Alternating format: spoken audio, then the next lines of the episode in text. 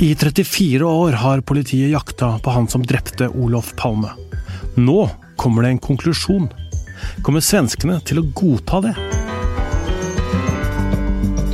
Jeg heter Tor Erling Tømt Ruud, og dette er Verdens Gang.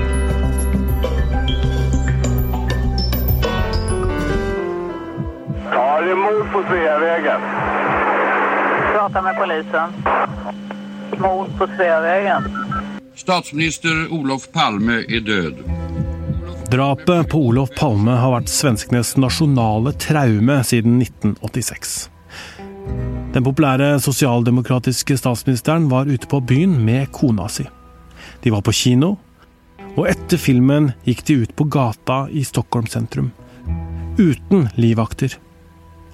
Der blei Palme skutt fra kloss hold i ryggen, og han døde den fredagskvelden. Det var vid 23.30-tiden igår som Olof Palme efter ett biobesök tillsammans med sin hustru Lisbeth kom gående på Sveavägen. I 34 år har politiet i Sverige brukt store ressurser på å oppklare drapet, og det har versert mange teorier om hvem som står bak. Palmedrapet har blitt sammenligna med drapet på John F. Kennedy. Og det har blitt laga dokumentarer og skrevet en haug av bøker. Nå ser det ut til at politiet kommer med en konklusjon, for i dag, onsdag, skal politiet i Sverige holde en pressekonferanse. Journalist i VG, Øystein David Johansen, hva er det som kommer til å skje på den pressekonferansen?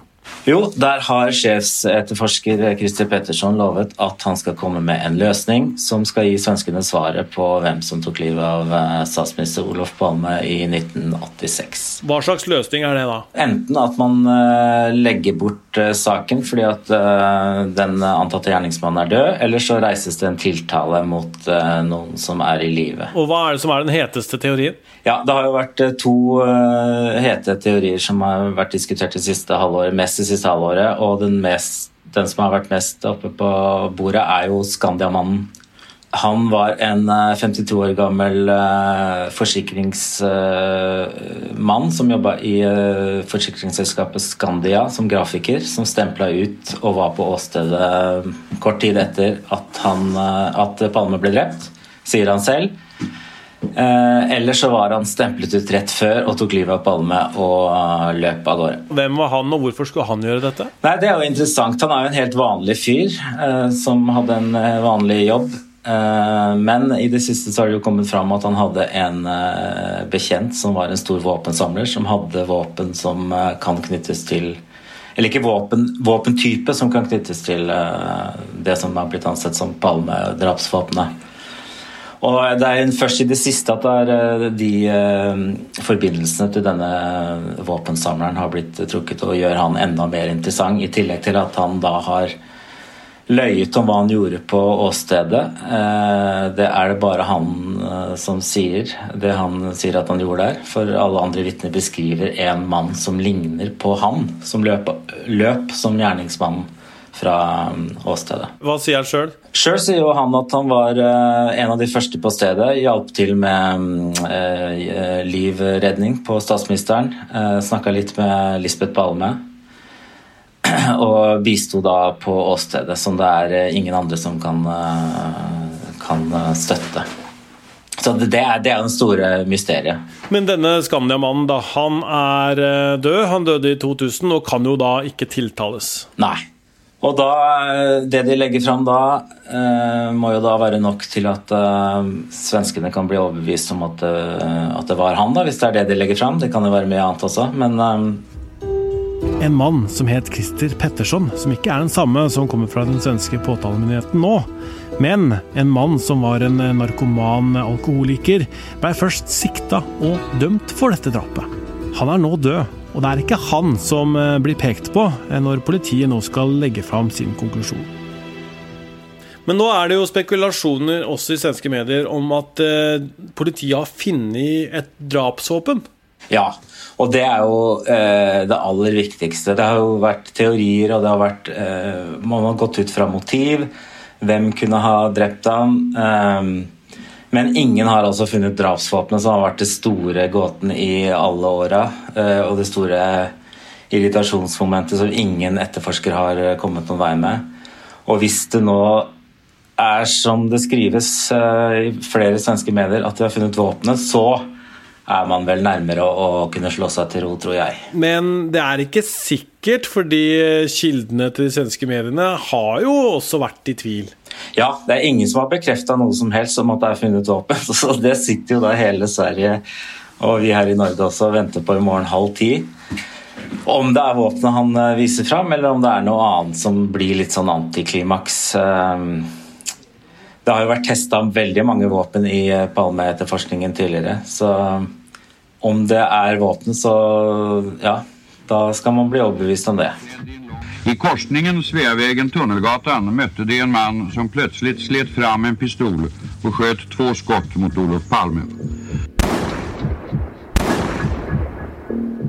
Men det har kommet opp en eh, teorien Øystein David, som har vært oppe før også, men den handler om Sør-Afrika. Hva er det for noe? Ja, Det er også en teori som har eh, sirkulert i mange år. Eh, det tok av rundt 1996 i en rettssak mot apartheidregimet, hvor det var en, en kommandant som hevda i retten at sørafrikansk etterretning var involvert i drapet på statsministeren i Sverige.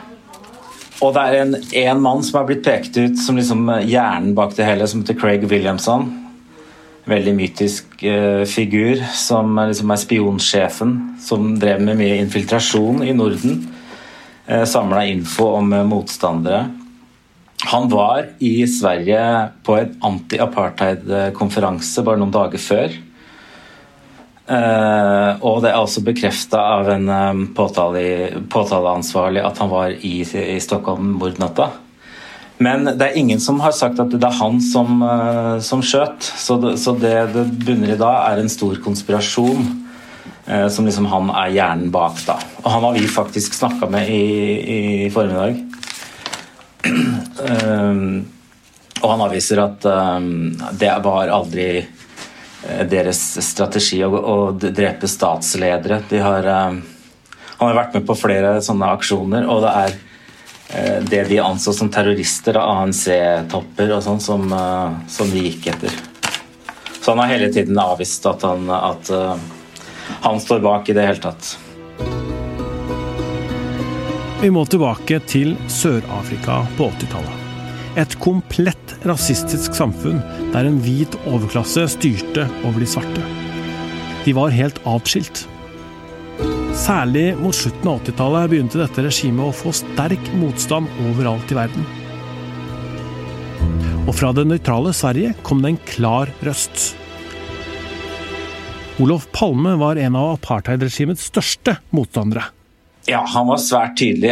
Han sa vel noe sånn som at det systemet måtte avskaffes, med rene ord. Så um, det var jo klart at han var eh, ikke noen favorittfigur i Sør-Afrika. Men det har altså da vært teorier om at sørafrikansk etterretning har eh, da tatt eh, livet av Olof Palme for å rydde den motstanden av veien, da. Ja. Så det er også basert på utgangspunkt utgangspunktet i motiv. Hvem kan ha glede av å ta livet av statsministeren i Sverige. Eh, mange som hører denne podkasten da etter at politiet har gitt sin konklusjon, eh, de vet jo nå eh, det som vi ikke vet dagen før. Men hvis det kommer en konklusjon, Øystein David, tror du det blir stille i Palmesaken? Nei, det tror jeg ikke. Og det, jeg håper egentlig ikke det heller. Jeg syns det er det er gøy å diskutere, for det er jo veldig mange spørsmål som eh, hva enn de måtte legge fram. Hvorfor har ikke dette kommet opp før? Når ble det igangsatt? Eh, hvis det f.eks. er Skandiamann, så har han vært han har jo vært på stedet da i 34 år og gått rundt der og vært i avhør. Han var jo til og med som um, vitne for um, uh, i Forsvaret for Christer Petterson ble han tatt inn i åpen rett og sto og sa at um, han ble tatt inn fordi at uh, de ville så tvil om det var en eller flere gjerningsmenn. Og han var en av de få som, uh, som uh, sa at Lisbeth Palme uh, uttalte til han de løp den veien. Og det var da for å få uh, for Christer Petterson uh, frikjent om at det var flere som sto bak. da. Så um, så han har vært, liksom, vært der hele tiden, og når vi har brukt så mange millioner eh, gjennom så mange år, så er det, det er helt fantastisk hvis det, skulle, hvis det skulle vise seg at det er han som alltid har eh, vært til stede. Eh, Ja, denne saken har vært et traume for svenskene, men eh, jaggu har det vært eh, mye filmer, dokumentarer, bøker, eh, massevis av internettforum som diskuterer dette her. Altså, det er et liv i denne saken, da. Ja, absolutt. Det er det. Og det kommer til å fortsette. Det er jo mange som ikke kommer til å slå seg til ro med det her. Og det sitter jo mange sånne mm, etter, eh, etterforskere rundt om i de tusen hjem i Sverige som eh, har sine teorier, og som gjerne vil fortsette å tro på det. Det er politisporet, og det er um, ja, Sør-Afrika, Skandiamannen er blitt mye mer Og så er det fortsatt mange som mener at Christer Petterson er eh, skyldig. Toneangivende folk. Ja, f.eks. Jan Guillaud mener vel fortsatt det? Ja, han eh, mener at eh, Det siste jeg så, at han mener at, eh, at Palmedrapet er det er polisiært oppklart, som de sier. Men at de ikke fikk dømt han i retten, da. Ok, takk for at du var med i podkasten Verdens gang, Øystein David. Takk. Hører du denne podkasten onsdag morgen, så er pressekonferansen venta ca. klokka halv ti, og den dekker vi på vg.no. Verdens Gang lages av Emilie Hall Torp, Nora Torp Bjørnstad, Kristine Hellesland og meg, Tor Erling Tømt Ruud. Magne Antonsen er teknisk ansvarlig.